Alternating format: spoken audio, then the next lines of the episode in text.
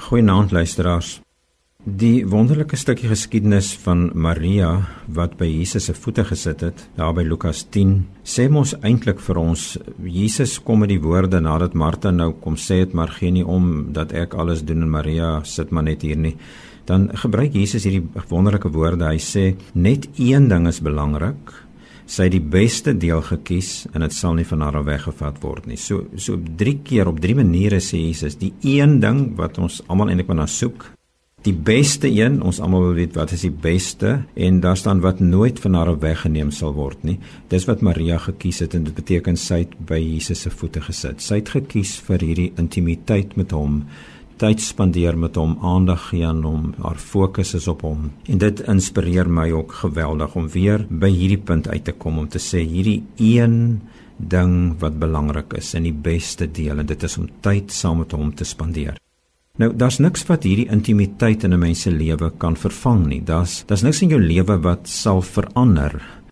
Daar's niks in jou lewe wat nie deur God verander sal word, wat nie gebore is of waarvan jy bewus geword het in hierdie intieme situasie nie, want dis daar waar hy jou oortuig en hy jou denke draai, jou kop swaai wil ek amper sê. Dis daar waar hy jou aanspreek en jy anders begin dink en op die ouend ook anders optree. Nou ek wil dit so verduidelik net dat hierdie intimiteit wat hy met ons het, wat hy vir ons help deur sy gees om te geniet en waar te maak, gaan ons op die ou end so laat lewe dat dit 'n verduideliking vereis dat mense in Engels sê ons it will demand an explanation.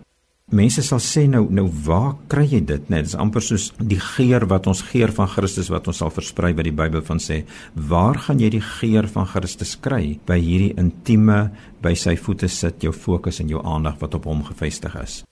Hierdie ek sê dit wat gebore gaan word uit hierdie intimiteit is dat mense sal sê nou hoekom is jy wie jy is? Hoekom praat jy so? Hoekom reageer jy so? Wat sien ons in jou wat anders is wat hulle eintlik gaan sien wat hierdie verduideliking eis by hulle is dat ons kan sê is niks anders as hy nie en hy wat by my is en my by sy voete laat sit en hy wat homself aan my bekend maak en hy wat liefdeswoorde in my oor fluister en vir my sê hoe baie hy van my hou en dit verander my lewe. Dit laat my glimlag dit laat my moed hou dit laat my aangaan dit laat my hoop kry vir 'n stuk in 'n wêreld en soos ons met hierdie proses kan aangaan.